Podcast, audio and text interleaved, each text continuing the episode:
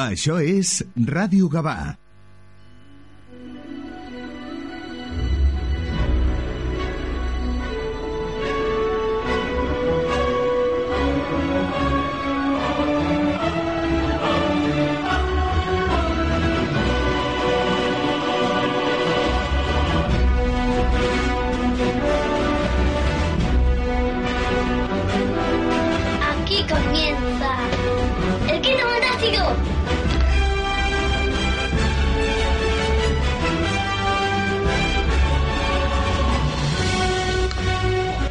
8 de la mañana y 30 minutos. Muy buenos días y bienvenidos a una nueva edición del Quinto Fantástico de Radio Gaba, episodio 9 de la octava temporada. Bienvenidos a vuestro programa de cómics. Un saludo de quien nos habla, Alberto Jiménez. ¿Nos queréis acompañar en este viaje, en el mundo del cómic? Pues toma asiento y también nos ponemos en velocidad de curvatura.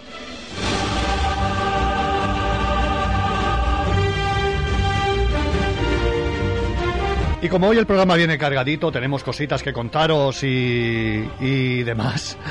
Dar la bienvenida a quien hace posible este programa, quien nos cuida, quien nos lo da todo hecho, quien para que todo suene a la perfección. Preparada ya para el Salón del Cómic. Ya hemos estado hablando para intentar preparar esos cortecitos para cuando lo tengamos todo, lo tengamos todas las entrevistas, pues esté, esté ahí a tope funcionando. Doña Maite, muy buenos días.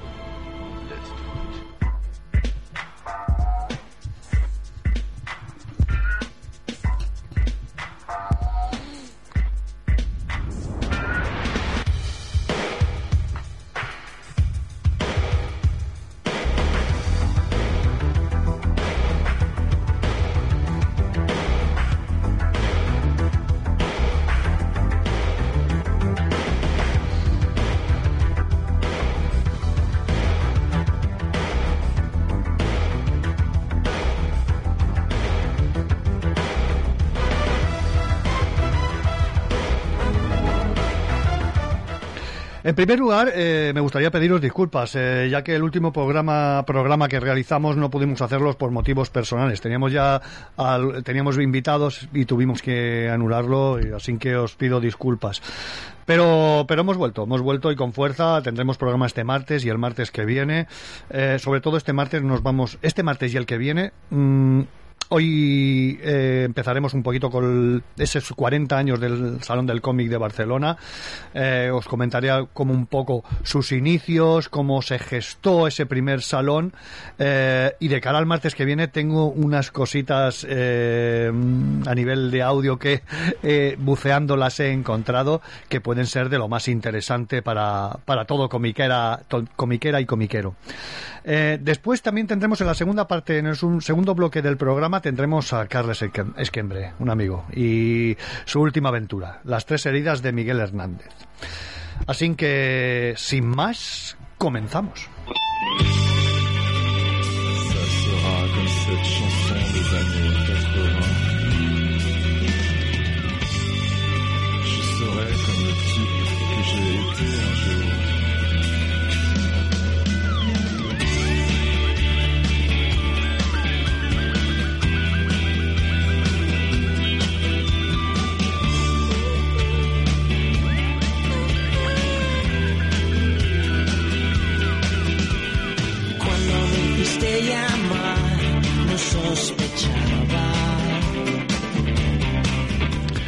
40 años, efectivamente, ya desde, desde este primer salón y que nos ilusiona cada año, aunque como os comentaré ya veréis que hay algunas ediciones que no se, no se realizaron.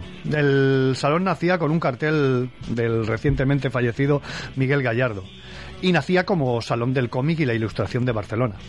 Las fechas, fijaros qué fechas, eh, era del 27 de mayo miércoles al 31 de mayo domingo. Mm, no se han celebrado todas, todas las ediciones de estos 40 años, no se han celebrado.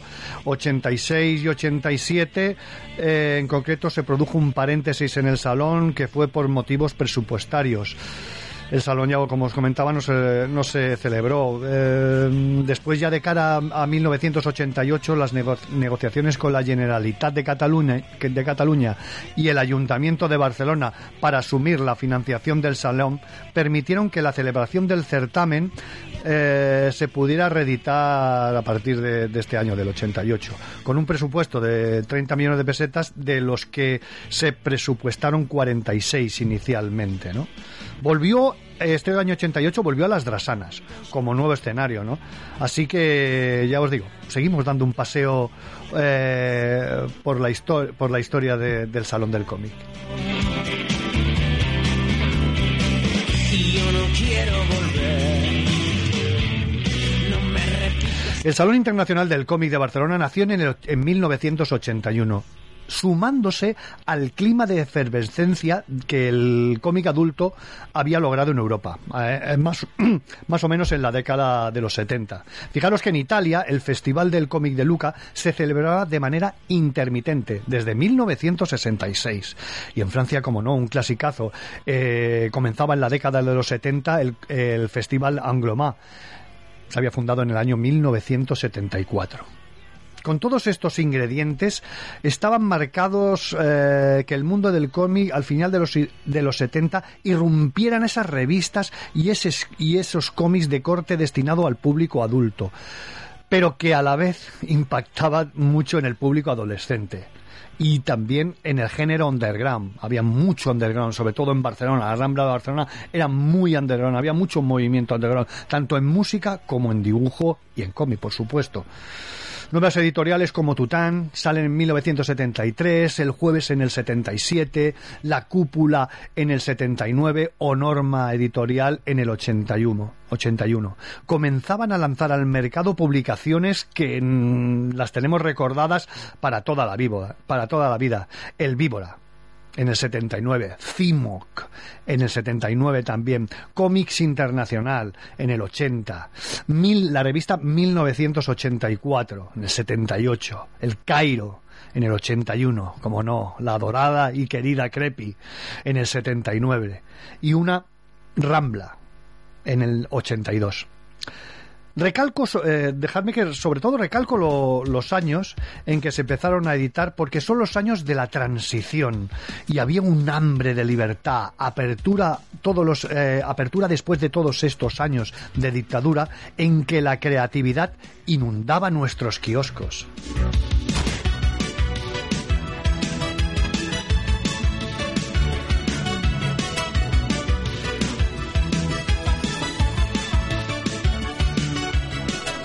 Bajo todos estos ingredientes surgió el Salón del Cómic.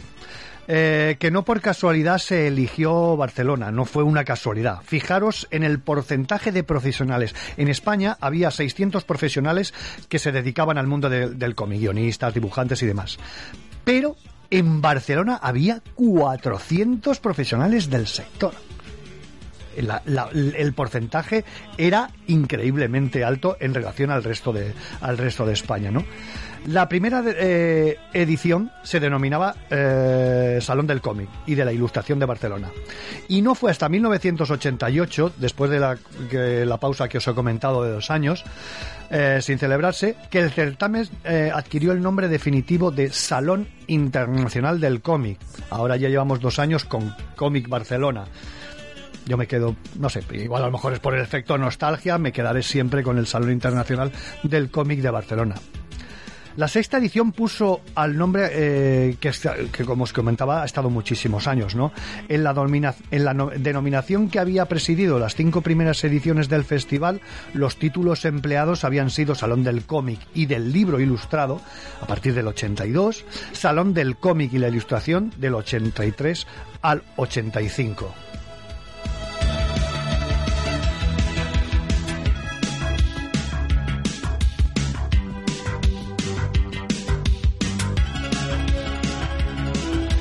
La primera edición del salón y su elaboración eh, y celebración, por supuesto, fueron aproximadamente una ardua, fue una ardua tarea, ¿no? Dos años de trabajo. Las desavenencias internas entre el comité organizador fueron interminables, con la consecuente celebración paralela de dos salones del cómic, como querían en un principio.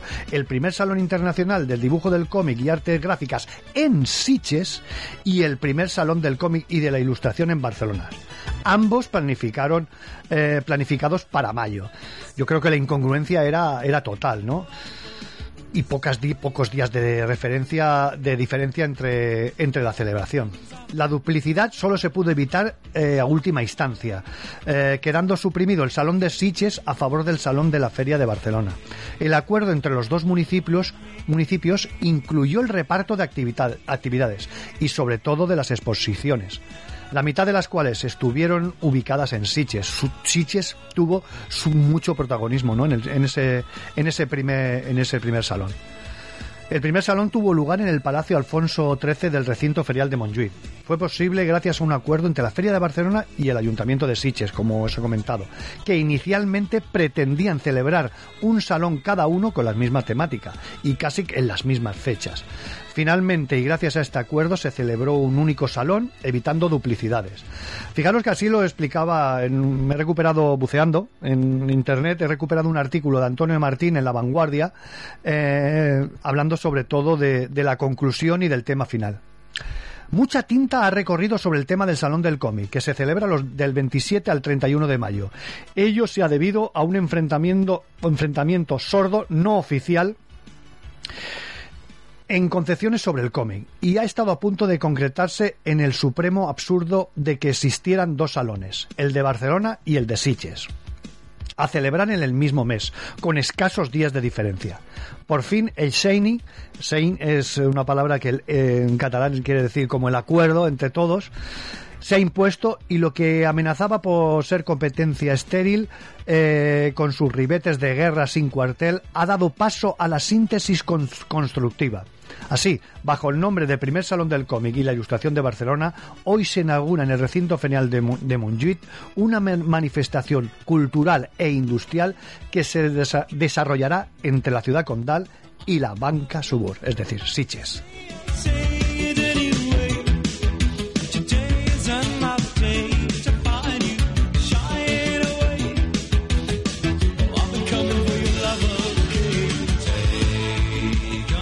Ese primer año la organización del evento corrió a cargo de Jesús Blasco y Montserrat Vives y Mariano Hispano. Juntos montaron un salón de 300 artistas invitados, eh, que todo fue un éxito, éxito absoluto. La prueba está en que al año siguiente se celebró la segunda edición y que en el 2022 ya iremos por la 40 edición. Sobre los invitados de ese primer año, destacar a, uno de los más grandes que estuvo, ¿no? Estuvo Richard Corben. Yo creo que era el más esperado, ¿no? Por lo que he leído, yo no estuve en ese salón, eh, también era muy jovencito, tenía 16 años y era muy jovencito para ir a Barcelona era una auténtica odisea. Richard Corben, como os digo, era el más esperado, o al menos eso parece, parecía juzgar por las colas monumentales que se, que se hicieron para conseguir una, una dedicatoria o un autógrafo, un autógrafo suyo. Además de Corben, fijaros el elenco de, de autores que estuvieron. Estuvo Moebius, estuvo Will Eisner, estuvo Hugo Pratt, estuvo, eh, estuvo Neil Adams. Mm, infinidad de autores españoles, sobre todo de las revistas ah, de las revistas adultas, que yo creo que fue el principal motor para que se mm, produjere- produjese este salón del cómic. Por lo que cuentan las crónicas de la época y que to- y las, las pequeñas crónicas de todo fan que estuvo allí, todos se hartaron de dibujar y firmar para sus seguidores.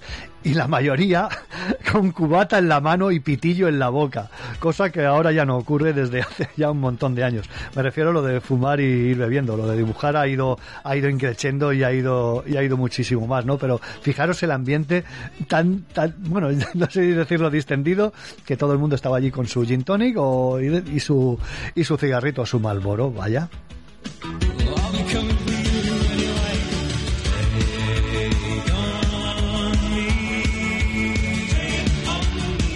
El Salón del Cómic nació en un momento en que el cómic español soñaba, soñaba con ser industria. La democracia trajo consigo un alivión del cómic adulto, que hoy se conoce como el boom de las revistas. De las que ya desgraciadamente no queda ninguna en los kioscos o en librerías especializadas. El panorama era muy variado, con editoriales como Norma, como comentaba Norma, Tután, Nueva Frontera, Cúpula, donde publicaban autores como Gallardo, Max, Mariscal o Nazario. Precisamente tengo un- una dedicatoria, eh, un dibujo de Nazario, Nazario que, que hizo allí a un fan de Anarcoma, espectacular. A ver si lo podemos poner en, en redes para, para, que lo creáis, para que lo veáis. En parte también hay que dar las gracias también, por supuesto, a los editores, como Tutain, mm, Selecciones Ilustradas tenía un papel importantísimo, o Josep María Berenguer, fallecido en el 2012, que en este primer salón se llevó el premio a la mejor publicación de 1980, como no, El Víbora.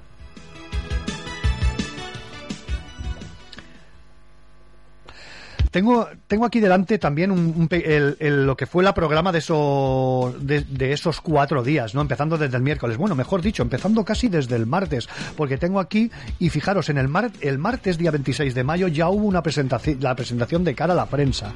El miércoles 27 de mayo se abrió a las 10 de la mañana para profesionales. Las mañanas eran todas para los profesionales. Había, había charlas, eh, presentación, me imagino que presentación de bocetos, inauguraciones oficiales. Fijaros, a las 4 de la tarde, apertura, apertura del salón de cara al público y el cierre era, era a las 8, ¿no? Eh, esto fue el miércoles. El, el jueves, lo tengo aquí delante también, apertura a las 10 de la mañana, a las 11 conferencia para, para- para profesionales y a las 4 volvía otra vez a la apertura, la apertura al público, ¿no? Fijaros una mesa redonda con Josep Tután, Antonio Martín, bueno, increíble, increíble. Vaya, después otra mesa redonda con Joan Navarro, con Alfonso López, bueno, bueno, mm, Carlos eh, Agrara, bueno, increíble. Y fijaros, me ha llamado muchísimo la atención que el final de el jueves por la noche había un final de fiesta en la discoteca 55, mítica discoteca de los años de los años 80, ¿no? El nombre de 55 era porque, bueno, aparte de que estaba, aprovecharon yo creo que estaba en el número 55 de Paseo de Gracia, pero también para hacer un poquito de eh, competencia a la que prácticamente lo petaba en aquella época, que era Estudio 54, ¿no? Pero en Estudio 55 yo os recomiendo que, que reviséis Días de Radio de, de Albert Maya, hay una sesión, no recuerdo ahora, ay, qué pena de no recordar el episodio que es, eh, pero que es una, eh, una sesión de, de baile recuperada por Albert Maya de la discoteca 55, ¿no? Y es realmente espectacular, ¿no? Eh, después el sábado también hubo hubo hubo mesas redondas, se abrió se abrió a las 4 a las 4 de, de la tarde también para el público, en fin, todo un acontecimiento que Barcelona tenía que reflejar.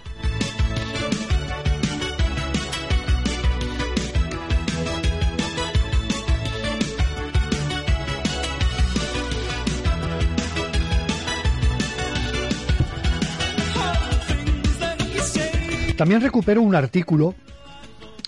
eh, no, no viene quién lo escribió. Yo, yo me no sé, igual me suena que fuera Antonio Martín, no lo sé. Eh, es un artículo, en, tampoco dice el periódico que es, ¿no? Pero el titular me llamó, me ha llamado muchísimo la atención. Fijaros el titular. El éxito ha sorprendido a muchos, ¿no? Porque yo creo que, bueno, y según ahora, ahora os lo voy a leer, porque es que vale la pena, porque según iba avanzando el Salón del Cómic, con un evento que había allí, que era el Día de las Fuerzas Armadas, no, no lo sé, bueno, aquí lo refleja también, la visita del rey, imaginaros allí, la gente tuvo, como muy bien refleja el artículo, la gente tuvo que aparcar lejísimos y desplazarse hasta dos y tres kilómetros andando hasta el salón. Claro, la visita del rey, Fuerzas Armadas, pues todo aquello, estaba, todo aquello estaba blindado, ¿no? Fijaros lo que, lo que comenta el, el artículo, ¿no? La verdad es que de una forma u otra todos, todos cuantos profesionales teníamos que ver con la organización del salón, nos pre- preocupaba el hecho de que éste no llegara a tener el poder de convocatoria suficiente para que los profesionales, los medios de difusión y la asistencia de público. Justísi- justísimamente se había logrado contratar el mínimo de stands necesarios, tanto nacionales como extranjeros. Eso sí, estábamos orgullosos de las exposiciones montadas dentro del salón. Más de 300 artistas, que superaban en mucho todas las manifestaciones semejantes hechas hasta el momento en cualquier parte del mundo. También es cierto y merece ser reconocido mm, y nos tranquilizaba el entusiasmo y el sólido soporte de la Feria de Muestras de Barcelona, que había puesto a, nuestro, a nuestra disposición un marco ambiental y unos servicios que no desmerecían en absoluto de las mejores ferias editoriales a las que habíamos asistido. Después el conseller de Cultura de la Generalitat, el señor Max, inaugurara el salón, pronto nos dimos cuenta de que allí iba a cocinarse algo gordo. En hora de asistencia reservada únicamente para profesionales, la concurrencia era tan grande que para sí hubieran querido otras manifestaciones feriales, denominadas clásicas, ¿no? que se dan en el mismo recinto. A las 4 de la tarde, cuando se abrió la taquilla para el público, aquello fue el desmadre. No podía darse un paso. El sábado 30 de mayo a las 6 de la tarde, con la circulación cortada debido a la visita del rey a Barcelona, teniendo que aparcar a 2 y 3 kilómetros de distancia, eh, recorriendo esa distancia pie, para quienes eligieron, también había gente que fue en metro y autobús para ir a la entrada y pagar 200 pesetas los adultos y 100 pesetas los niños. Allí no cabía ni una aguja. Más de 16.000 personas visitaron el salón, de las cuales cerca de 11.000 pasaron por taquilla. El resto correspondía a profesionales, invitaciones, grupos escolares. Cierto que no todos los editores extranjeros más importantes exhibían sus producciones en, los stands, pero lo que sí podemos asegurar es que el mundo editorial del cómic se paseó por el recinto y efectuó sus transacciones comerciales.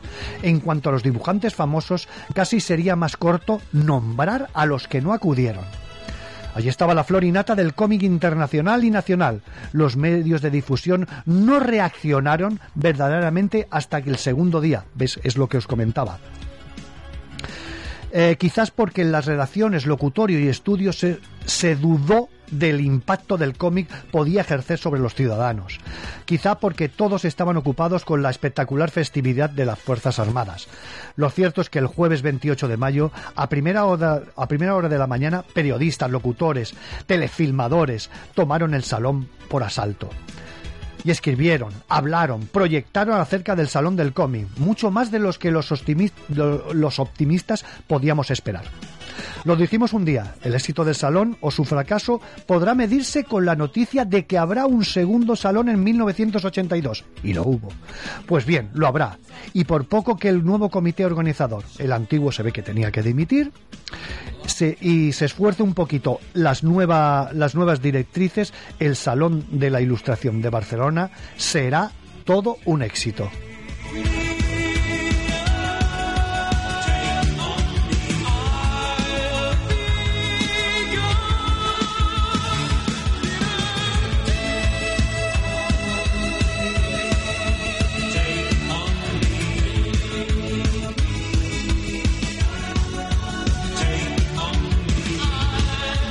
Bueno, y después de este pequeño resumen, eh, yo creo que mm, he intentado explicarlo, he recogido toda la información que había y de que había en muchos sitios y creo que he hecho un poco un pequeño resumen de todo lo que ocurrió en ese salón del cómic. Y ahora eh, también ponemos desde Radio Gabay el Quinto Fantástico ponemos nuestra nuestro granito de arena y voy a emitir una entrevista que para mí fue bueno entrañable y que la tengo en mi mesita de noche para escucharla para eh, porque es es genial y bueno me impresionó. Espero algún día poder hablar otra vez con él.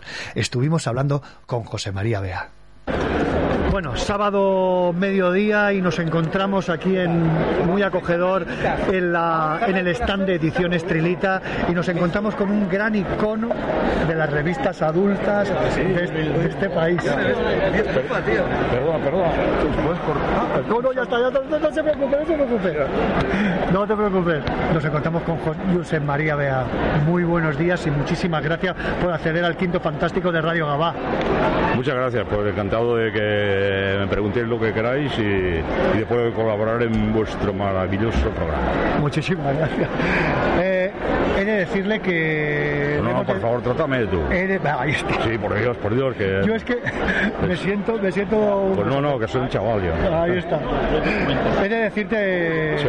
José María, que, que gracias a Hitor hemos conocido, sobre todo los amantes de aquellas revistas adultas, os hemos podido conocer a ti y a todos aquellos artistas. Sí. Eh, os conocíamos a través de vuestro trabajo y a Sí. aquellas pequeñas reseñas que sobre todo aparecían en 1984, Crepit y tal. Sí. Pero a través de este libro os hemos podido conocer un poquito más. Pues me alegro muchísimo, porque en realidad, eh, claro, todo aquello eh, queda un poco en la oscuridad, ¿no? Pero eh, ha servido mucho esto para, para poder, como dices, ¿eh? un faenón de miedo, sobre todo, ¿no? En indagar en, en- en aquellos años, conoceros a Sí, sí, porque queda poca gente ya que pueda dar información de lo que ocurrió en aquellos años. Yo empecé siendo un chaval allí, tenía, tenía 14 años, yo había acabado de salir del colegio, de y entonces me metí allí, éramos eh, un grupo de una docena de chavales que nos sobrepasábamos los eh, 19 años, y de la noche a la mañana pues nos convertimos en profesionales a base de, de copiarlo de, de grandes dibujantes americanos, el que sabía más enseñaba al que sabía menos y poco a poco pues en, en un año ya estábamos trabajando para, para el extranjero, para Francia. Yo he de reconocer que mi debilidad es la que tienes delante. En cuanto he visto que había una reedición, y sobre todo, pues la tengo en, en- en- en las revistas, Sí. la tengo ahí, pero tenerla en una edición ahora juntita, como ha editado, creo que fue el año pasado ya, ¿no? Cuando Sí, eso sí, sí, hace un año y medio. Edición Estrellita que la ha hecho estupenda, ha hecho una, una reedición maravillosa, ¿no? No y- sí, sí, sí, esto ya no mejor imposible, ¿no? Y, sí, sí, no. No, el- el, eh, sobre todo porque me veo identificado, porque a ver, te digo, le- te digo, mis padres tenían un bar, ¿no? Sí. Y, y a ver, Lo de una taberna, ¿eh? Dices, hombre, aquí esto lo conozco más o menos. y, y ¿no? muchos personajes, de- a través, claro, lo veías, le- lo leías y dices, "Me cago en la leche. Digo, es que, digo, quien es el autor de la Taberna Gratis, este vos, José María Bea, Sí. yo creo que también tenía que tener un bar o algo parecido o verse un poquito en este ambiente, ¿no? Bueno, eh, vamos a ver. eh, indudablemente que aquí hay, hay unos elementos que provienen de experiencias que uno ha tenido a, lo largo de la vida de haber ido a tantos bares. Yo para mí el bar es un lugar maravilloso. Si no hubiera bares en una ciudad buscaría otra que hubieran, ¿no? Pero el bar para mí ha sido eh, el lugar mágico donde he encontrado a, grandes amigos y cuando he estado muy mal eh, ha sido como el, el- diván de un psiquiatra. Es maravilloso, para mí el bar es maravilloso.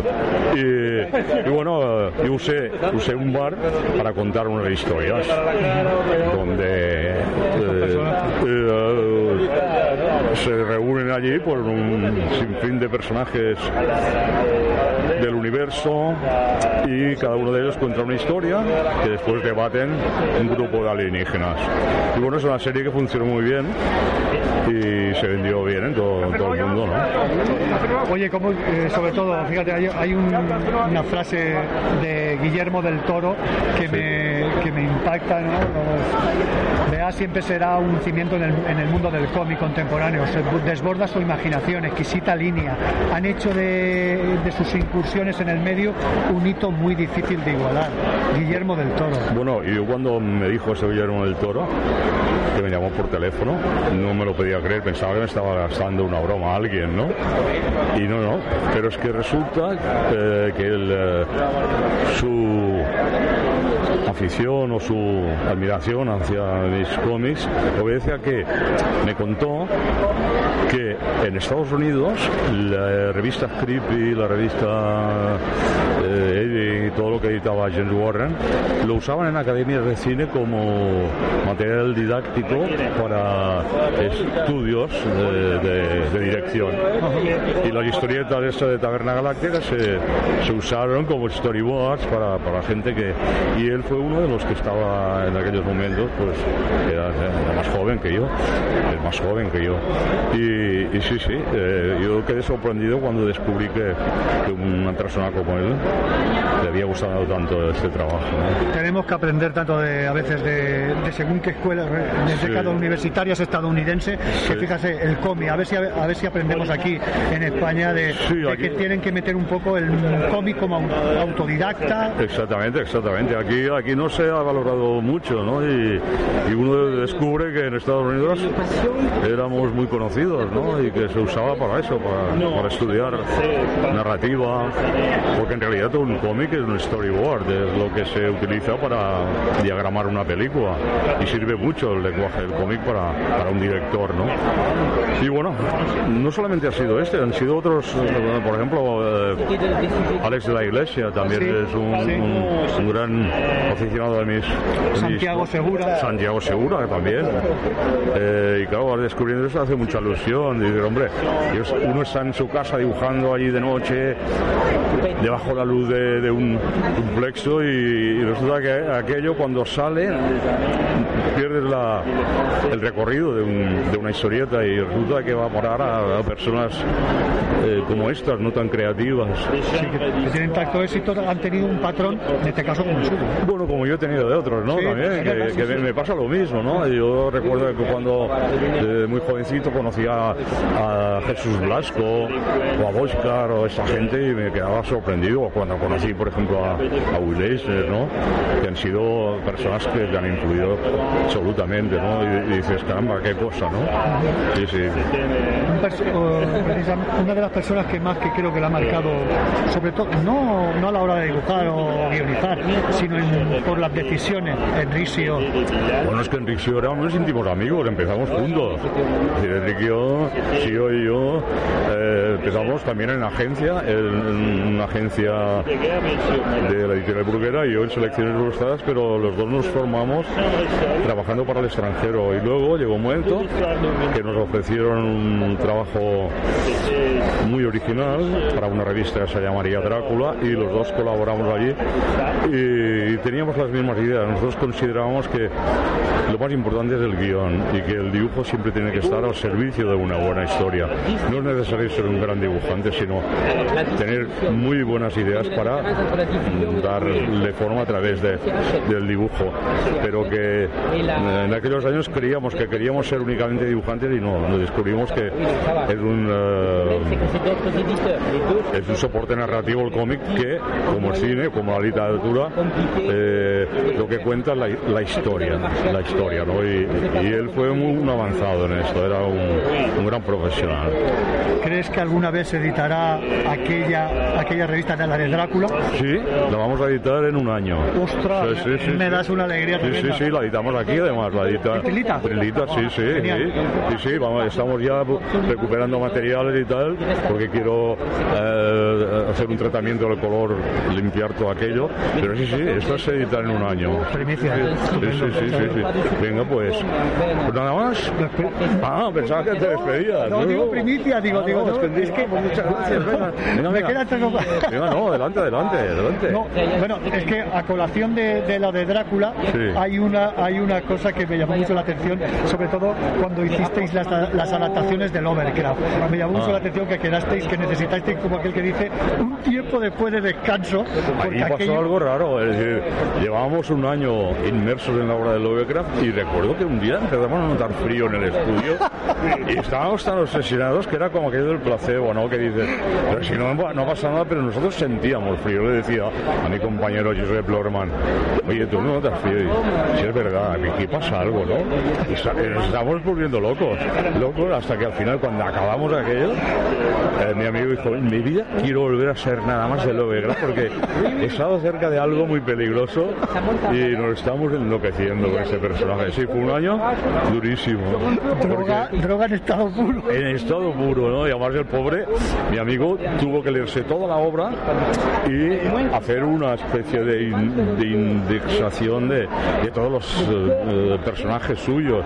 Y que él aún le afectó más que a mí, porque tuvo que leerse toda la, toda la obra, toda la obra, ¿no? Y me, y me iba pasando a mí la- las descripciones yo lo dibujaba, pero claro, se- es enfermizo. El- el- el- la obra de, de Lograr es, es brutal, ¿no? Pero es enfermizo. ¿eh? Es algo que te lleva a, la- a una especie de depresión, ¿no? Todo es oscuro, eh, profundo, negro, las- los abismos, las profundidades. Pero bueno, ahora esa obra también la vamos a, a reeditar. Es lo que te iba a preguntar. ¿Os Sí. vais a, re- a atrever a reeditarla esta? Sí, sí, la vamos a reeditar porque, bueno, está aquí eh, lista para, para ser retocada y, y la vamos a editar después de, de lo de Drácula. ¿Cuántas páginas serán más o menos? Pues tiene- pueden ser perfectamente unas 200, ¿eh? Porque aparte de las ilustraciones hay un tratamiento de investigación sobre el personaje, sobre el escritor, sobre Lovecraft, donde vivió, los lugares donde estuvo. Además, el Josep Lorme es geógrafo y se implicó mucho en, en hacer una cosa muy, muy rigurosa. Es decir, Vais a hacer material añadido ahí. Sí, hay mucha documentación fotográfica, incluso hay mapas de Providence y de tal, y cosas fic- ficticias y tal, pero que es, es muy interesante. Hay casi un 50% o quizá más de texto que de, de ilustración. Es un, es un libro a nivel de, de estudio sobre el sobre los becas muy interesante. Yo para mí son dos personajes y sobre todo porque aparecían mucho en, en esta revista, Poe y Lovecraft. Exactamente, exactamente. Hombre, no, no, a mí lo me, me llevó al alma, ¿no? Y me dejó un poco tocado durante unos años, ¿eh? Y, Lo veo, lo veo. y además es que teníamos esta obra que siempre generaba problemas. Se la damos a un editor y al final el editor había muerto. Eh, le damos a otro editor y eh, no, no la he podido leer porque cosas muy raras, ¿no? Y, si estuviera maldito este, este material, ¿no? Y, y en realidad aún no ha salido. Espero que no pase nada, ¿no? Porque Ojalá, toquemos madera. Toquemos Toquemos madera. madera tú Toquemos porque, porque hay una maldición con este, con este material, ¿no? Sí, porque estamos hablando casi de los años. ¿Puede ser finales de los 60?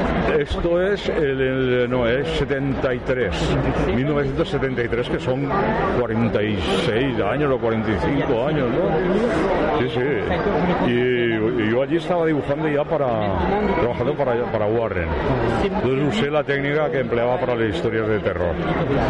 Y eran unas, unas ilustraciones muy muy trabajadas.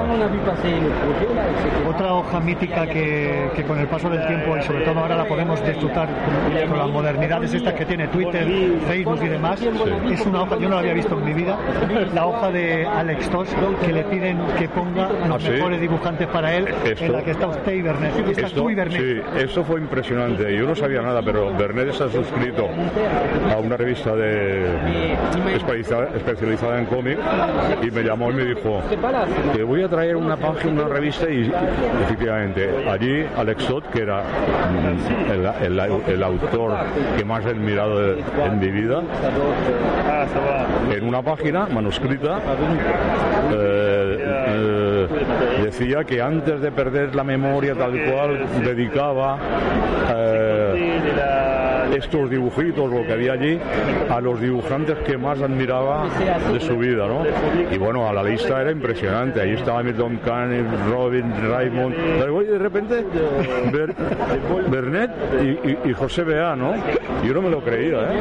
No me lo creía. Y sí, sí, sí. Para todo aficionado, sobre todo ver esa hoja. eh, Claro, claro. Es lo que le digo, las redes pueden tener cosas buenas y cosas malas, Sí, pero, sí. pero verla yo creo que, Sí, sí, cuando vi aquello no me lo podía creer, ¿no? Oye, con siete vidas, é, nos empezaste a contar. Yo creo que ahí empiezas un poco a contar un poco tu trayectoria con Gatoni. Sí, bueno, esto es biográfico. Sí. esto es biográfico, efectivamente. Es un retrato interior ¿no? de, de la época de, de mi infancia, el- del, catolicismo, del nacionalcatolicismo, de la represión sexual y tal. Y allí apareció todos aquellos traumas y tal. Sí, fue la primera experiencia así un poco profunda, ¿no? De, de sacar recuerdos y mover, remover el pasado y tal. Pero muy bien, bien. Oye, ¿qué nos vamos a encontrar ahora? ¿Qué nos ofrece? ¿Es, una, ¿Es un cerrar el círculo con Peter Hipnos? ¿O qué, qué nos- qué se va a encontrar el nuevo, eh, el que quiere encontrar ahí a Bea? Hombre, eh, yo ahora mm, después de haber hecho esta ilustración para la portada de, de Peter Himnos, me han quedado muchas ganas de ilustrar. Y probablemente haya en, en esos momentos por el embrión de un, eh, de un libro eh, con ilustraciones mías, escrito también por mí. Y eso es obra original, ¿eh? que será una página de texto, pequeño mini relato y una ilustración. Esto es lo que probablemente haga como obra original. Que serán, lo tengo escrito todo ya, ¿eh? son cosas que he ido escribiendo a lo largo de muchos años. Y después de ver esta, esa ilustración de la portada de Peter con ese tratamiento de grabado decimonónico, pensé, hombre, aquí podría hacer alguna cosa para un libro ilustrado.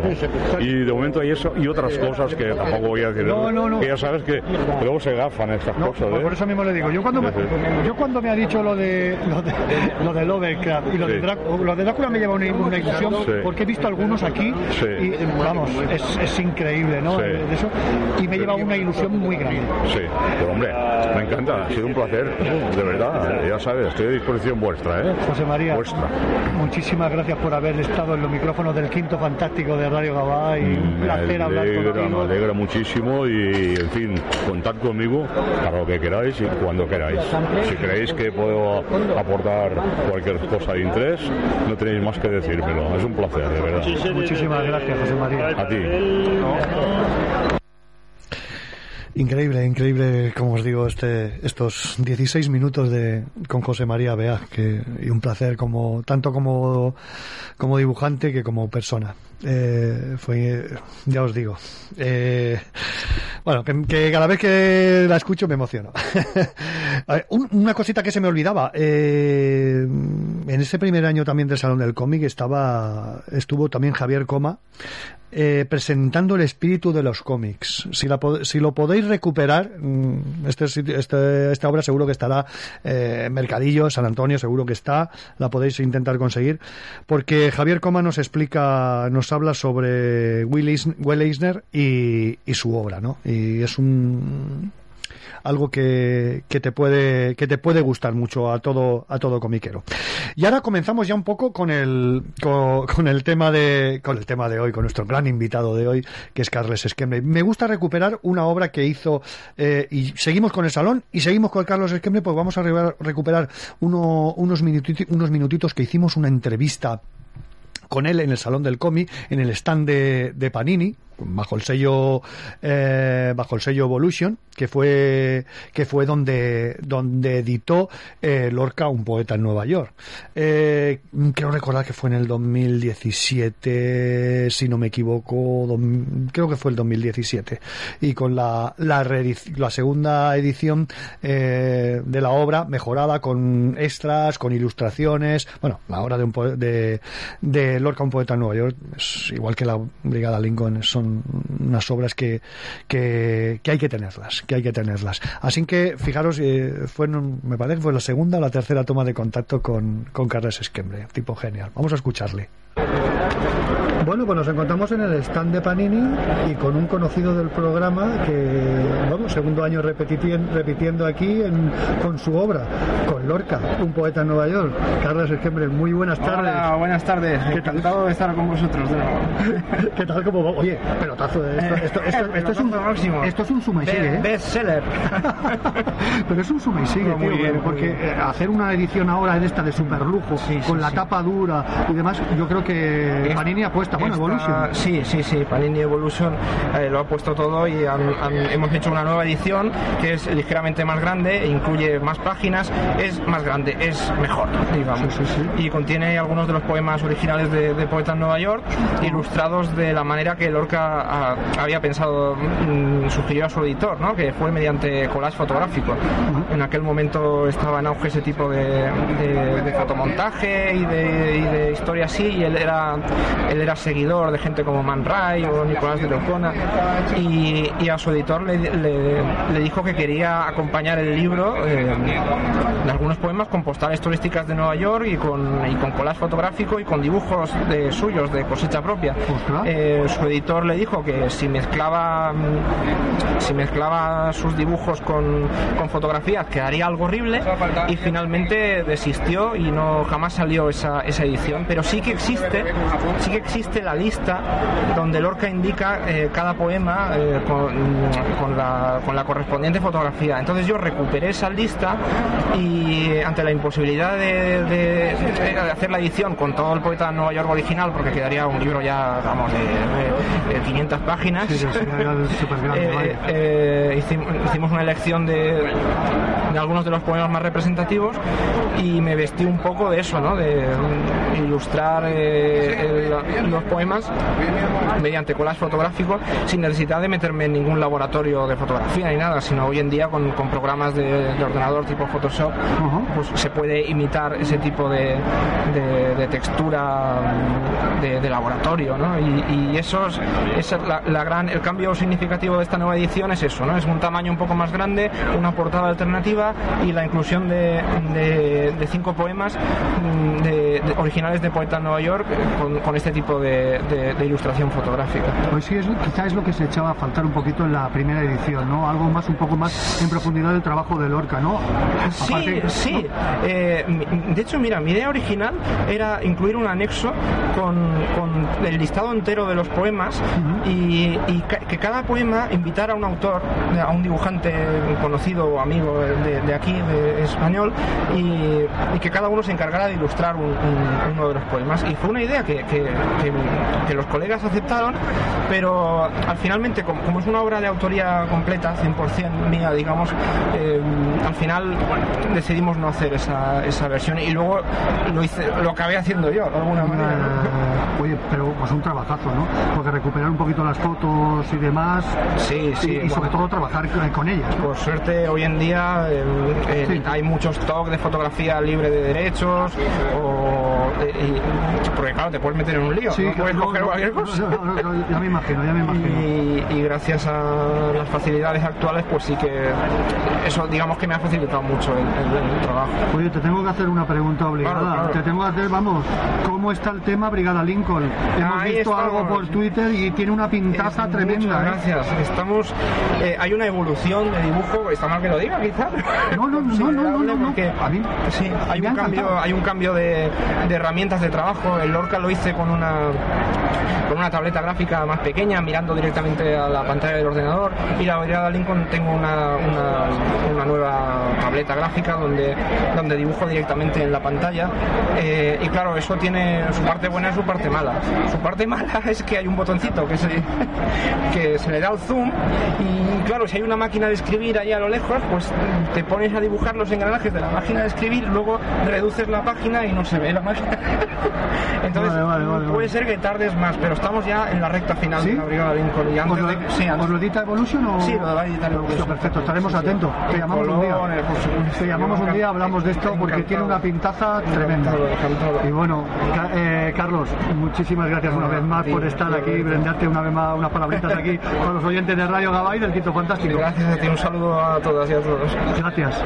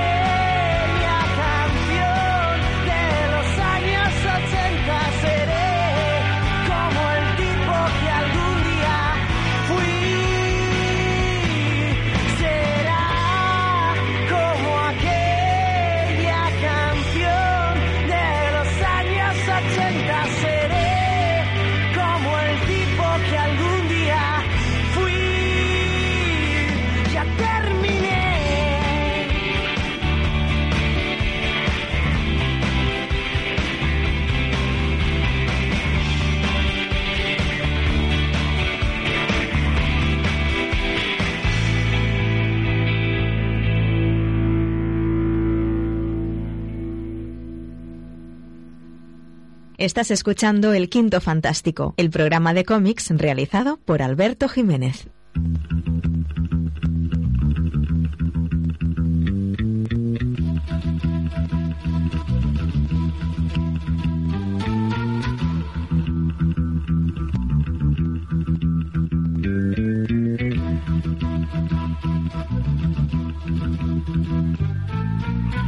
Llegó con tres heridas, la del amor, la de la muerte, la de la vida.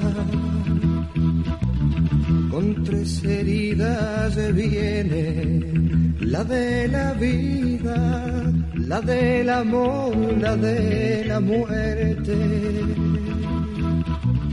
Con tres heridas yo la de la vida, la de la muerte y la del amor.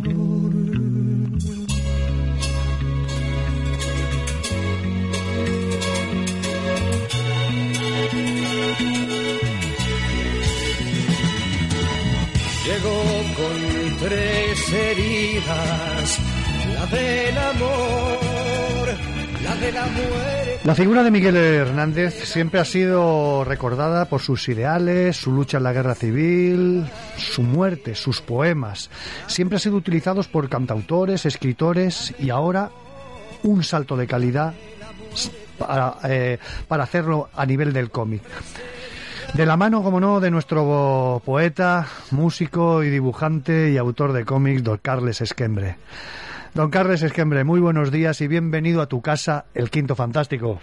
Hola, hola Alberto, buenos días. Eh, encantado de hablar contigo. ¿Qué ganas teníamos ya? Ya tenía ganas, ya tenía ganas de, de- de tenerte. Bueno, pero es que ha sido, mm, bueno, te iba a decir, pero es que ha sido un boom. eh, el cómic ha sido un boom porque es eh, ha, ha tenido una una, eh, una difusión en todos los medios increíble, ¿eh? Televisión, para que salgan los cómics en televisión ya es difícil, ¿eh? Y tú, madre mía, estás tocadito por la, por la varita eso, mágica. Mira, eso es un logro de todos. Tenemos que estar todos contentos. Que salga cómic en televisión, nos gu- guste o no el tipo de cómic, pues es un pequeño triunfo siempre. ¿no? Sí, sí. Bueno, oye, ¿qué tal? ¿Cómo estás después de, de esta pandemia? Habíamos hablado en Navidad un ratito y tal, que, que se me hizo cortísimo, pero bueno, yo creo que los oyentes tienen que saber de ti. ¿Cómo estás? ¿Y qué- qué- qué- ¿Cómo ha pasado esta pandemia, Carles Bien, Esquembre? bueno, a ver, como el tópico que suele decirse es que los dibujantes no- ya vivimos un poco confinados, entonces no, no hemos sufrido especialmente el, el aislamiento, pero, pero no, sí que es verdad que durante toda la pandemia sí que tiene uno pensamientos eh, existenciales, ¿no? Del tipo, ¿qué sentido tiene seguir dibujando si el mundo se va a acabar? También es verdad. También es verdad. Pero no, bien, yo vivo en una en, en, en un pequeño diapiro salino en, el- en la montaña, o sea que eh, eh, podía salir a tomar el aire incluso ningún ningún problema.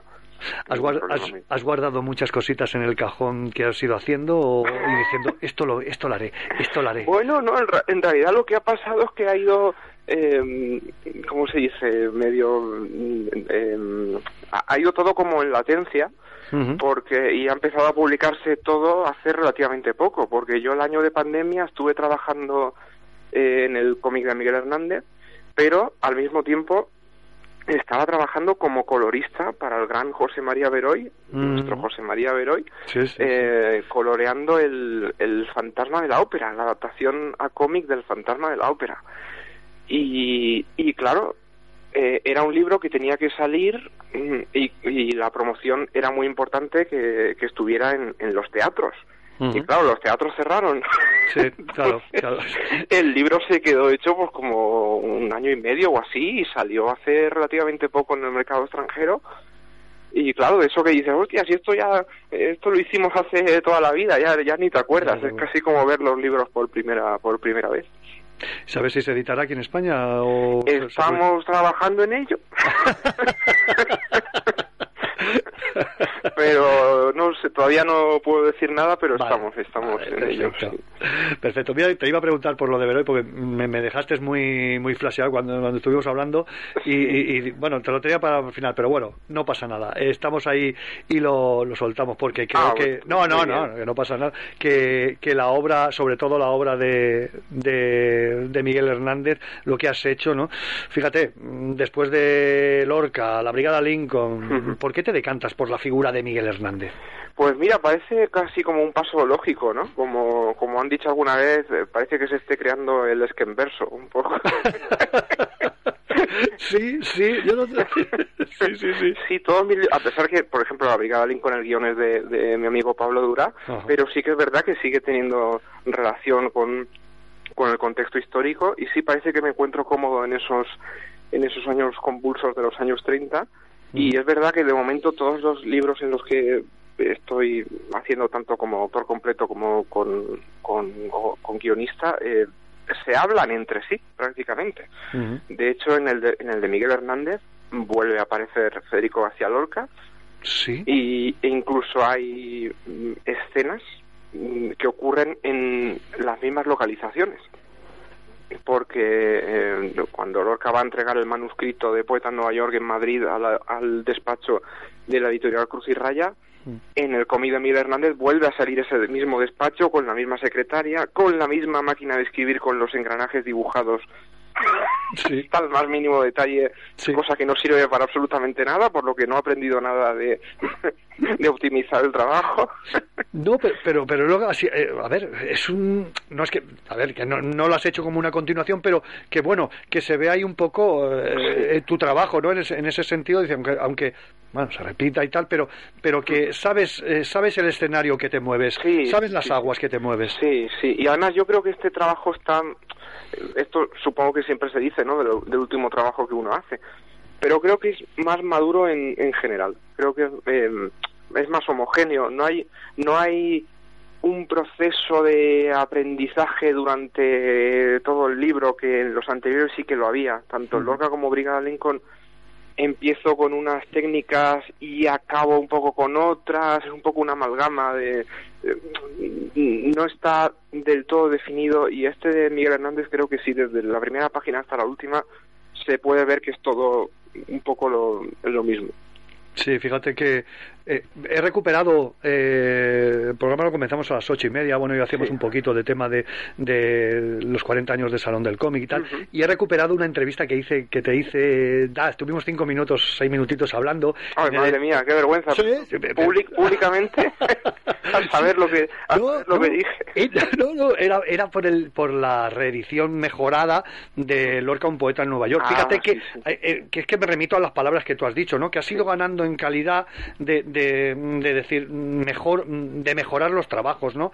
Eh, la, con la, ya con la segunda, con esta con la segunda entrega de Lorca, un poeta en, Nueva York, que añadiste un montón de cosas, bueno, la Brigada Lincoln, y yo creo que esto ha sido, eh, la de Miguel Hernández ha sido tu, tu eclosión. Sí, Alberto, y fíjate que la Brigada Lincoln ahora acaba de salir, salió en Estados Unidos, eh, publicada a través de Caliber Comics, y ahora acaba de salir una edición que yo tenía, que me apetecía mucho que saliera, que es la que yo llamo Chrome Edition, que allí lo llaman New, New Real Edition o no sé qué, que es la edición en blanco y negro. Y, y esto es muy curioso porque, claro, yo la Brigada Lincoln eh, lo concebí para ser visto mediante grises. Y, y luego Esther puso su col- coloreo encima y tal, pero existe una versión inédita que es en grises, parecido al Lorca, pero que nadie ha visto y ahora se publica en, en Estados Unidos. Esos cambios es- les gustan a, a- a- sí, yo creo que sí, al lector le, le, le gusta es- ese cambio, ¿no? Eh, fíjate, yo te iba a preguntar, ¿no? Eh, te, te iba a preguntar si por qué decides hacerla, eh, sobre todo en la de Miguel Hernández, decides hacerla eh, sobre todo en blanco y negro porque a, a medida que, vo- que voy que vo- vas leyendo el cómic y vas viendo y tal digo ostras, digo digo creo que aquí un poquito de color sobre todo porque reflejas la, los jazmín la ñora los pimientos Sí, sí, sí, la- el campo que el campo desprende esos olores y eso y, y yo creo que con el color se, se vería más no, No sí, sé. pero era, era un poco el reto, ¿no? Decir, hostia, aquí voy a representar eh, muchos, los, co- como tú dices, ¿no? El color de, de, la, de la vega de, de ahí de, de Norihuela Ujú. y lo voy a hacer en blanco y negro. O voy a representar eh, la biología, los aspectos de la naturaleza eh, que tienen que ver con, no sé, que aparecen viscosidades y, y- y- y cuerpos desde el interior, y, no sé, cosas carnosas, y no va a haber ni brillos, ni texturas, ni nada, solo blanco y negro. Entonces el reto era un poco, era un poco ese.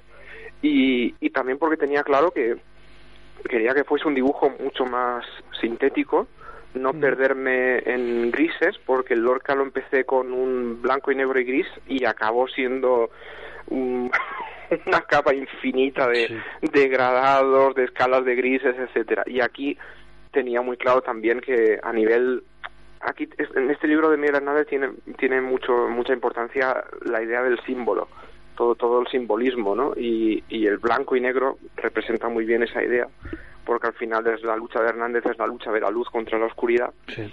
y como dice el poeta no que siempre hay un rayo de luz que deja la sombra vencida.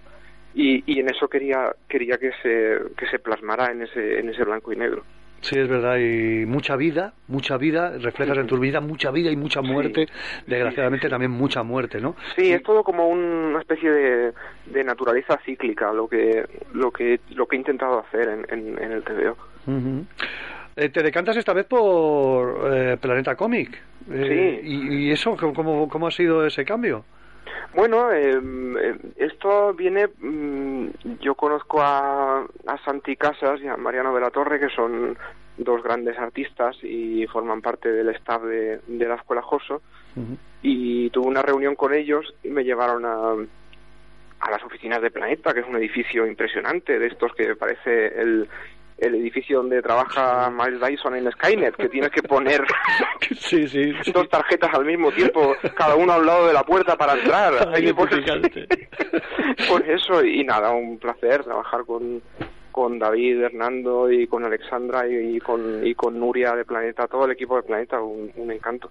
Sí, sí, David Hernández es un fenómeno, el tío es un batmaníaco, lo hemos tenido aquí Sí, alguna sí, vez sí, hablando sí, de Batman. Lo sé, y- lo sé, lo sé, lo tengo que pillar y, y, y, hablar con él de esos temas porque también, también porque fíjate qué cosas, mm, releyendo, yo soy muy friki de los cómics de Aliens, de Dark Horse de los 90. Madre mía. Y releyendo eh, los típicos textos que salen al final de los cómics a veces, pues uno de los textos lo había escrito David Hernando. Digo, esto se lo tengo, se lo tengo que preguntar. Y me ha hecho mucha gracia, Alberto, que hayas en el anuncio de, de, de la entrevista de hoy, estaba mi cómic y al Sí. lado un ejemplar de la revista 1984. Hostia, ¿no? sí, sí. y claro, sí. esto lo has hecho por lo de Claro. los, los 40 años del salón. Exacto, porque... Pero, pero a mí me ha remitido, perdona, a que yo en el cómic de Miguel Hernández eh, he hecho un... Es todo un canto de amor al medio del cómic. Hay muchas influencias, aunque parezca que no tenga nada que ver. Hay mucho de 1984, de Cimog, de Totem, de Rambla en el cómic de, de Miguel Hernández. Sí, sí, sí. Es que ahora que lo dice, digo, si es verdad. Toda, to- lo que hablábamos antes de la muerte, la vida, todas esto, la, bueno, no quiero desvelar nada. Rana, la, la metamorfosis, eh, esa. Es muy, muy, muy ciencia ficción de, de- Es verdad, tienes toda la razón. Sí, por eso yo quiero también eso, ¿no? Llegar a porque estoy muy contento, muy contento con cómo el, el- el- la parte académica acoge el cómic. eh, porque es, es genial y es maravilloso que, que, gente, que la gente que sí que es realmente experta en esto te dé la aprobación, digamos, o te diga que has hecho un buen trabajo. Pero luego, aparte, yo tengo como una deuda con, con, el, con el lector de cómic de género o el lector de cómic de toda la vida, que soy yo mismo también, ¿no? Sí. Entonces, poder mostrar aquí todos esos homenajes y que la gente lo esté viendo y te estén diciendo, hostia, sí, mira, esto es esto, esto es lo otro, esto... Para mí es... es me quedo tranquilo en esa parte. Qué bueno. Es, es, eh, es, es que es verdad. Bueno, yo sí, creo- son plagios, homenajes... No, eh, no, que plagio ninguno, no, no, favor. Estaría bueno. Estaría bueno. No, no, yo estoy contigo en ese, en ese aspecto. Yo soy, he sido mucho de, de, la, de lo que es la revista adulta, bueno, que consumíamos los adolescentes, ¿no? Y que, bueno, más tarde pues lo- los habéis consumi- consumido los babies que, que, que veníais detrás. ¿vale? Claro, exacto, porque yo generacionalmente no me corresponde, pero es lo que dices, ¿no? Pues lo heredas de, de familia, de, de tíos, de, de, vecinos, de padres. eh, Estupendo. Oye, y otra cosa, eh, prólogo. Carmen Alemán. Ah, bueno, bueno, bueno. El prólogo es, es- el- bueno, yo no, yo no conocía la obra de, de Carmen Alemán, es que encima tiene libros editados ella. Es de- que Carmen, Carmen es, com- como decía su hija, es, es, es la jefa de todo esto. todo esto de Miguel Hernández, ella es la jefa. Y, y tener, tener la oportunidad de, pues ya no solo que, no sé, es, es tener, tenerla de amistad es maravilloso. Y ella me abrió las puertas de, de su casa y de su corazón. Quiero decir que, que me, me estuvo ahí eh, todo, todo el tiempo que, que yo necesité me ayudó muchísimo a lo largo de, de todo el libro y, y bueno, quiero decir de- del, del prólogo, ¿no? Es que se nota, se nota cuando le estás leyendo el prólogo, digo, digo, Carmen ha tenido que estar ayudando a, Sí, a Carles, es- pero una barbaridad, pues sí que se nota esa, ese, ese- eso, eso, vamos, todos los verbos que utiliza, el reflexionado. Sí, el feedback que el recibía de ella, yo, yo, yo le enseñaba las cosas siempre como con mucho miedo, ¿no? Decir, ay, madre mía, esto le va a parecer una mierda, ¿qué, qué has hecho aquí? No, y le, le gustaba todo, le encantó, le encantó, le gustó mucho y para mí fue maravilloso. Sí, sí, una pasada. Aparte es, es profesora, ella que lo recordaba. Sí, sí, sí, Carmen es de todo. Eh, eh, ha hecho, a nivel intelectual tiene todos los títulos, digamos. Oye, ¿cómo te decides en, en, el, en, el, en el título? Las tres heridas, la vida, Sí, el amor y la muerte. Sí, lo tenía muy claro, lo tenía ¿Sí? muy claro. Esto es por el poema, eh, llegó con tres heridas. Ujú. Y tenía muy claro que iba a servir un poco de, de- del eje central del libro iba a ser ese poema y, y iba a dividirse efectivamente en esas tres heridas la vida el amor y la muerte y a su vez iban a ser un poco intercambiables como la estrofa de del poema y eso pues me iba a permitir saltar cronológicamente de un de unos años a otros. Y por supuesto elegir como habrás visto unos periodos concretos no necesariamente una biografía entera de la corta vida, por otra parte, de Miguel Hernández, tanto de físicamente como a nivel literario, ¿no? que solo se conocen, solo escribe durante 10 años, eh, y, y tenía muy claro que había periodos que no iba a contar. El libro empieza en el año 1925, con ya Miguel Hernández niño, y digamos que la parte final, la que es terrible, de sufrimiento y patetismo y abandono, no, no aparece. Entonces, eh, digamos que la etapa carcelaria no, no está. Sí, es- eso es lo que la- lo que sería la parte final no no las no lo has plasmado. Yo Cierro, cierro el libro efectivamente durante el, el exilio del último gobierno de la República, que tuvo lugar, esto es muy curioso, pero tuvo lugar a 10 minutos de, de mi casa, de donde yo vivo. Entonces me parecía una forma muy poética de terminar el libro. Eh, de tal forma que, que, eso, que no, que le doy un, un- como, como decía nuestro amigo Fran Ortiz, el- el- mi libro es una especie de sueño lúcido donde Miguel Hernández no muere. Ahora me encanta porque están saliendo muchas reseñas y yo me, me, me, me aplico, robo esos comentarios y... Perfecto, oye, genial, sí, sí. Eso... y los digo en las entrevistas. No, pero cito, cito, cito siempre a, a, a, a quien lo dice. Sí, hablando del final, el epílogo es, es, es, es genial. Bueno, no genial, es muy crudo. Iba a decir genial, pero no, no, Sí, es muy es crudo que- de lo claro, que... pero es que todo eso mm, es lo que te digo, ¿no? Me lleva a... Ya me toca a nivel personal, es decir, que esto ocurriera a 10 minutos de mi casa Ujú. eh, y que hilando la información diera con que Miguel Hernández pu- pudo irse en ese avión, quizá, pues dices, joder, qué manera, esto se tiene que cerrar, qué, qué mejor cierre que, que este, ¿no? Y luego, por supuesto, proporcionar paz y, y felicidad eterna a Josefina Manresa, a Miguel, Hernández y a, y a su hijo, ¿no? Los dejo en esa casa, en un lugar indeterminado, mecidos por el viento del pueblo y realmente, pues, toda esa etapa carcelaria no, no aparece. No, no, no, no, no, yo creo que sería muy... Casi que sería para, para un cómic entero, Claro, la claro, etapa hay- carcelaria. eh, efectivamente, efectivamente. Y de hecho hay muchos cómics de, de Miguel Hernández. Hace poco salió, acaba de salir la segunda edición del de Román López Cabrera. Tengo que hablar con él. Tengo y que ahí, llamarlo. ahí sí que, yo es que to- todavía no lo he leído por aquello de no, de no contaminarnos, ¿no? Pero sí que tengo entendido que ahí es se centra mucho en esa en esa parte. Entonces es bonito porque se puede para los que sean completistas pues casi pueden leer los TVOs por separado y casi en secuencia no si te- terminas este te lees el de el de Román y te cuenta toda la parte de, de la cárcel. Luego también está el, el cuento de, de Pedro Navarro que que es muy bonito también, que esperemos que se reedite pronto. Y, y digamos que es una figura que está presente en, en- las artes y no, no va a ser menos en, en el cómic. Y saldrán más, por supuesto, claro que sí.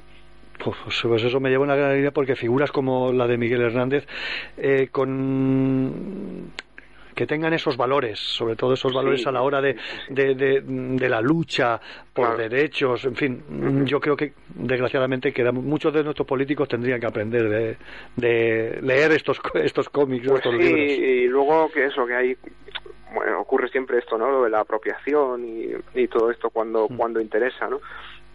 Hace mucha gracia como googleas, ahora no lo sé, pero hasta hace poco googleabas el nombre de Miguel Hernández en internet y te salía como escritor franquista.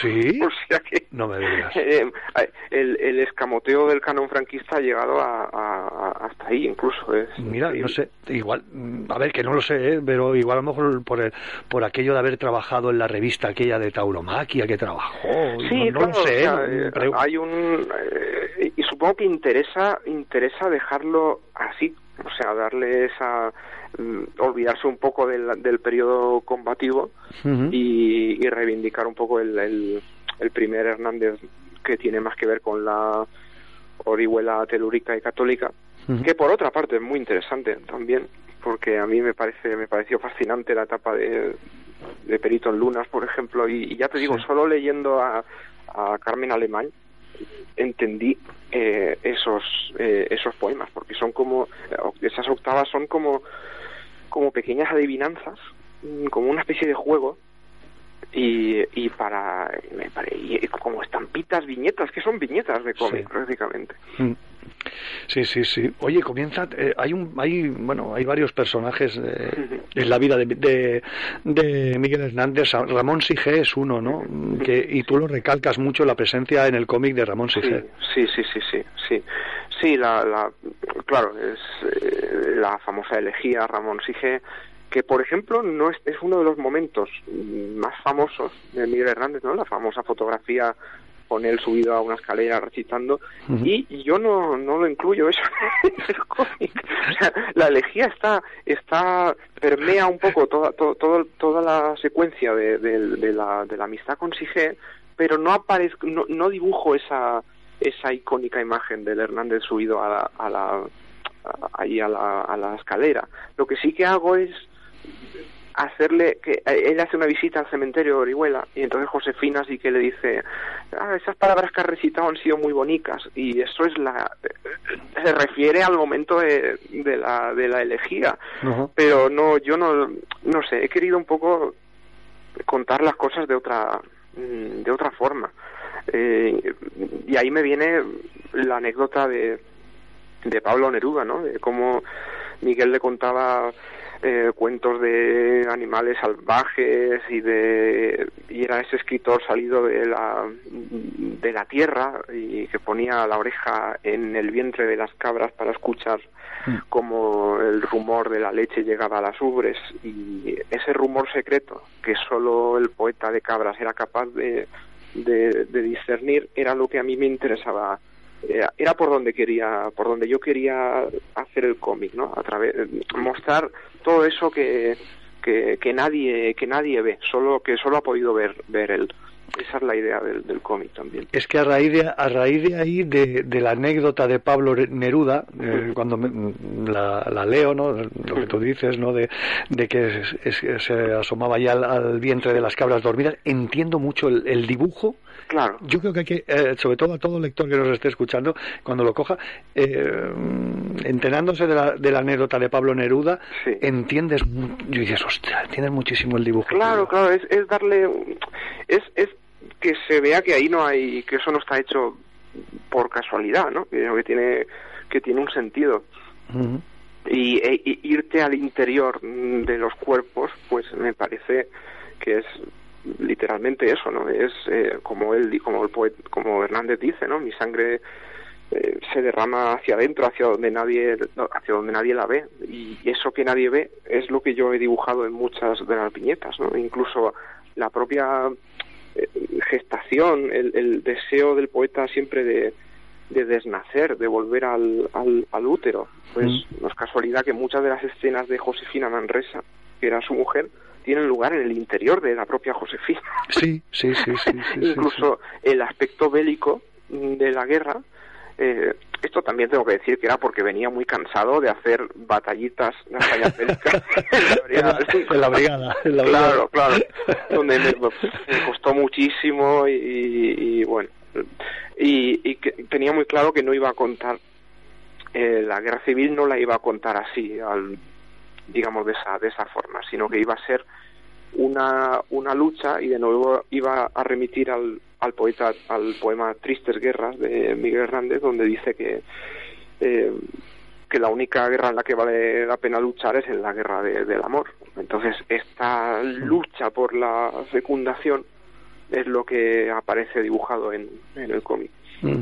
Fíjate que te, te decía mm, de Ramón Sige, que una de las personas que más influyente y tal, pero también yo creo que hay dos mujeres que le influyen, como, como comentas tú, Josefina, su mujer, y Maruja Mayo yo creo que también influye en, en esa estancia en Yo Mal- que por favor alguien haga un cómic de Maruja Mayo ya, por favor.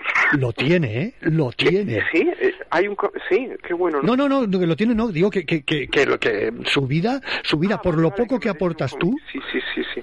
Digo, esta mujer tiene un body, ya puede ser erótico o como eh, sea. o sea, es un personaje fascinante, la verdad es que es una mujer que que sí, que sí, que tiene que tener. eh, Estoy seguro que se debe estar haciendo algo ya, alguna biografía en cómic de Maruja Maya. Ojalá. Porque, porque es genial. Y bueno, ya te puedes imaginar que he tenido que cortar muchísimas, muchísimas escenas y momentos. Sí. Que, quiero decir que al final se te queda todo como muy poco, ¿no? De cada personaje y de Maruja Mayo me hubiese gustado explayarme más también, pero claro, al final tienes que, que ir discriminando información, pero sí son mujeres que eh, es totalmente dicotómico porque es lo opuesto a, a Josefina Manresa, totalmente.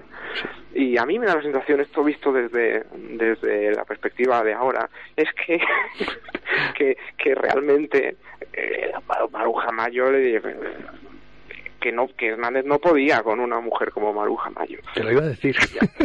bueno, porque, porque tú lo, lo retratas muy bien en el, en el libro, ¿no? Y en las conversaciones que habla, que habla Maruja y cómo se refiere a, a Miguel y tal, ¿no? no Claro, bueno, al final estamos hablando de un hombre con además que por lo poco que, que por lo que he leído lo que se leyó no me no hablo de, de Miguel en términos absolutos ni, ni lo tuteo ni nada porque no lo cono- no lo conozco y, y vamos, es muy difícil acercarse a una figura como la de Miguel Hernández de esta forma, ¿no? Eh, tuteándolo.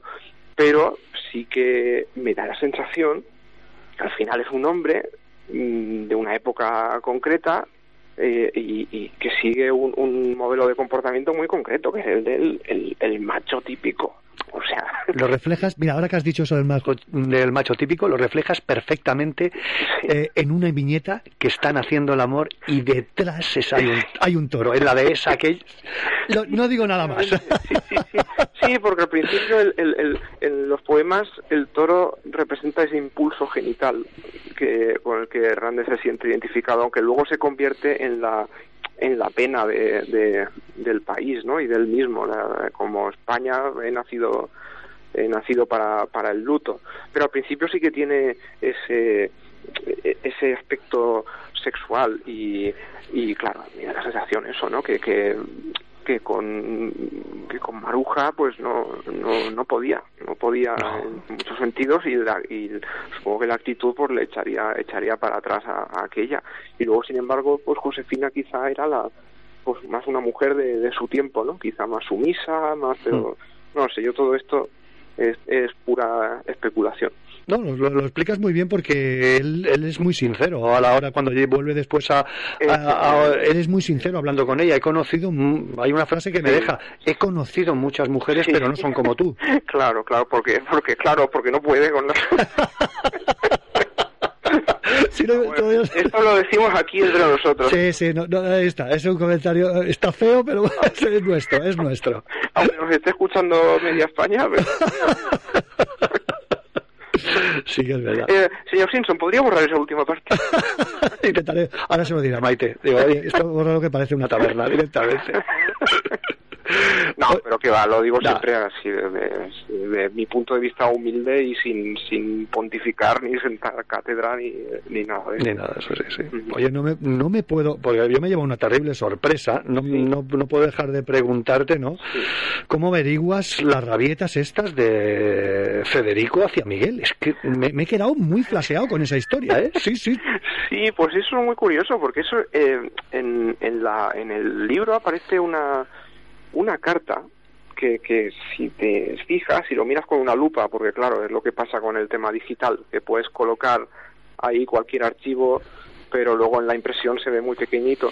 Pues esa carta que Hernández escribe, que recibe de Lorca, es un manuscrito real, de- es la carta real, una de las cartas reales que Lorca le escribe a, a Hernández. Quiero decir que esto está documentado. que lo que pasa es que yo lo que hago, el, juego de la ficción te permite pues que Miguel Hernández rompa la carta en el cómic. Y la carta no está rota porque tú la, la, la carta eh, en, en la documentación ves que está intacta, ¿no?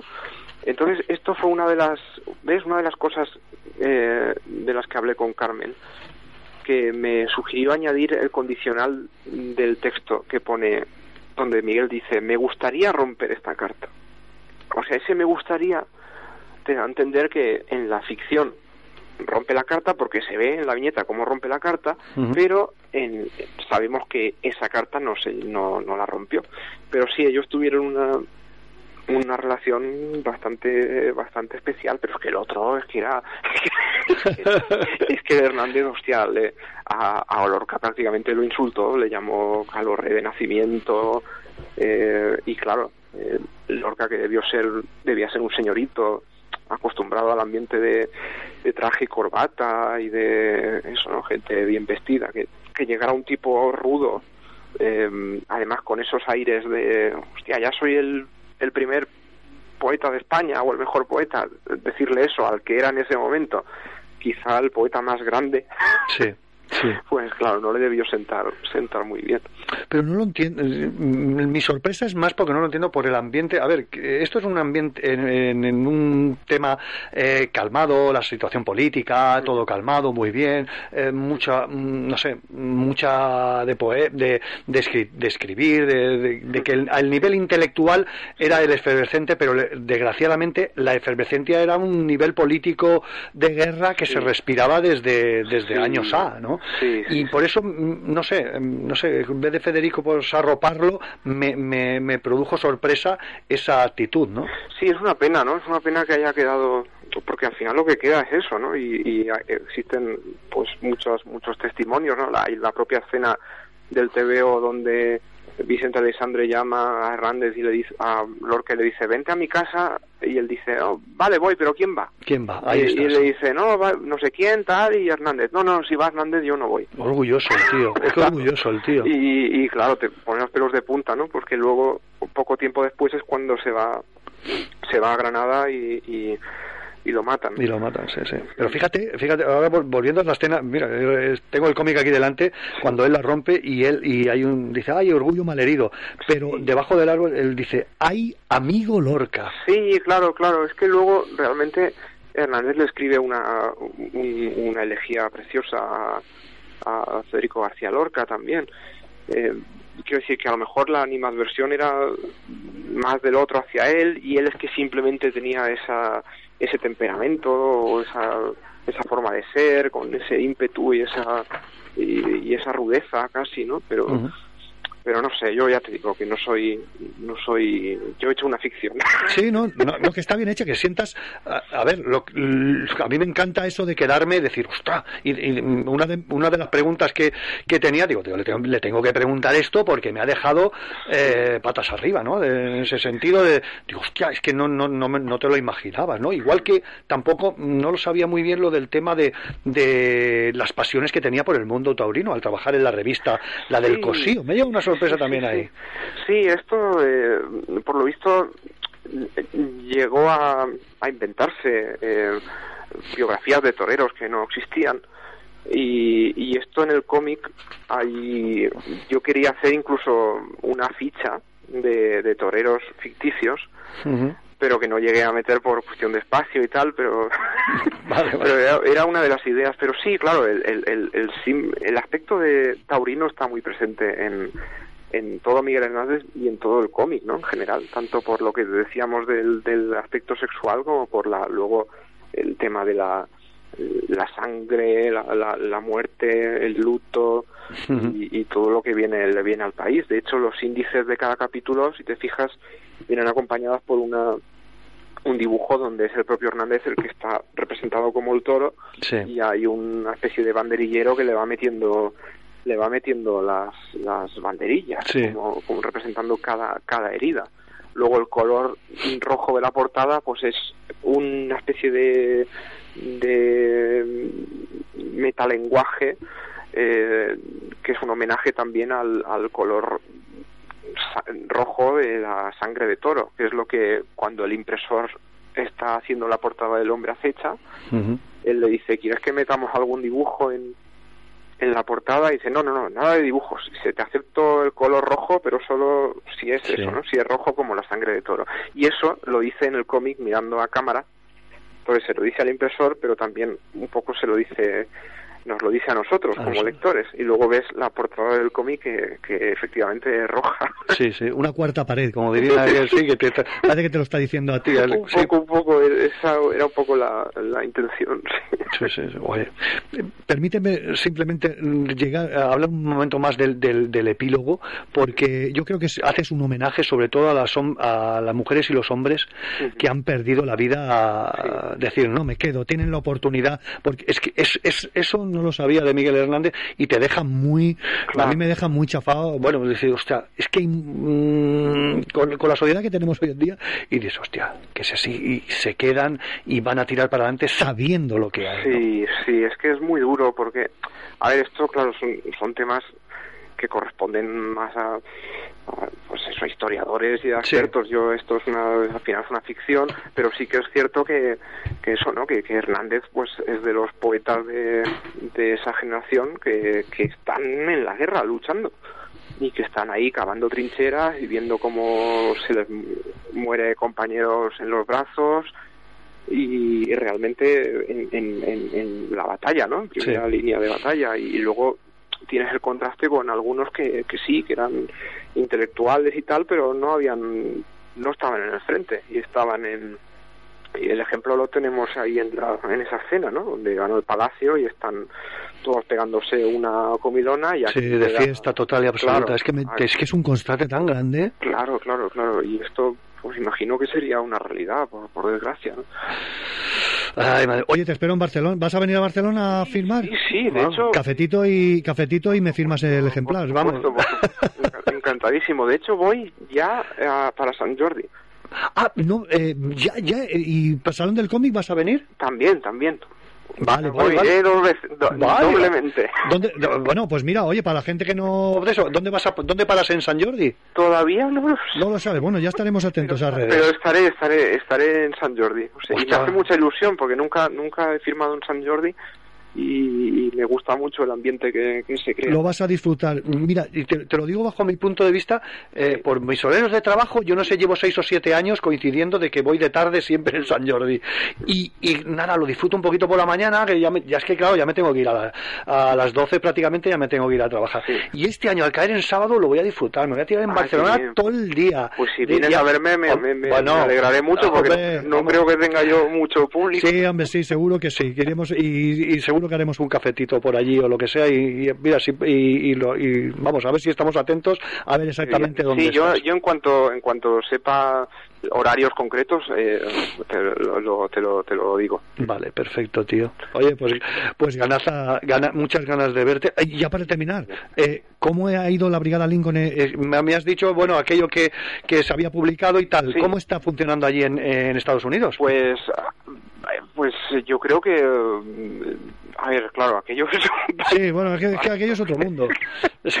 Pero bueno, solo el hecho de tener la opción de, de comprarlo allí ya me parece que es, es, es, un, es un logro. Y bueno, si han sacado esta edición en blanco y negro también, pues querrá decir que le están le siguen dando le, le están dando ese- esa, esa promoción, digamos. Pero todavía no sé nivel de ventas y todo esto, no sé. Pero El personaje lo tira, ¿eh? El personaje lo tira. Sí. Yo creo que allí en Estados Unidos el personaje puede funcionar, ¿eh? claro, y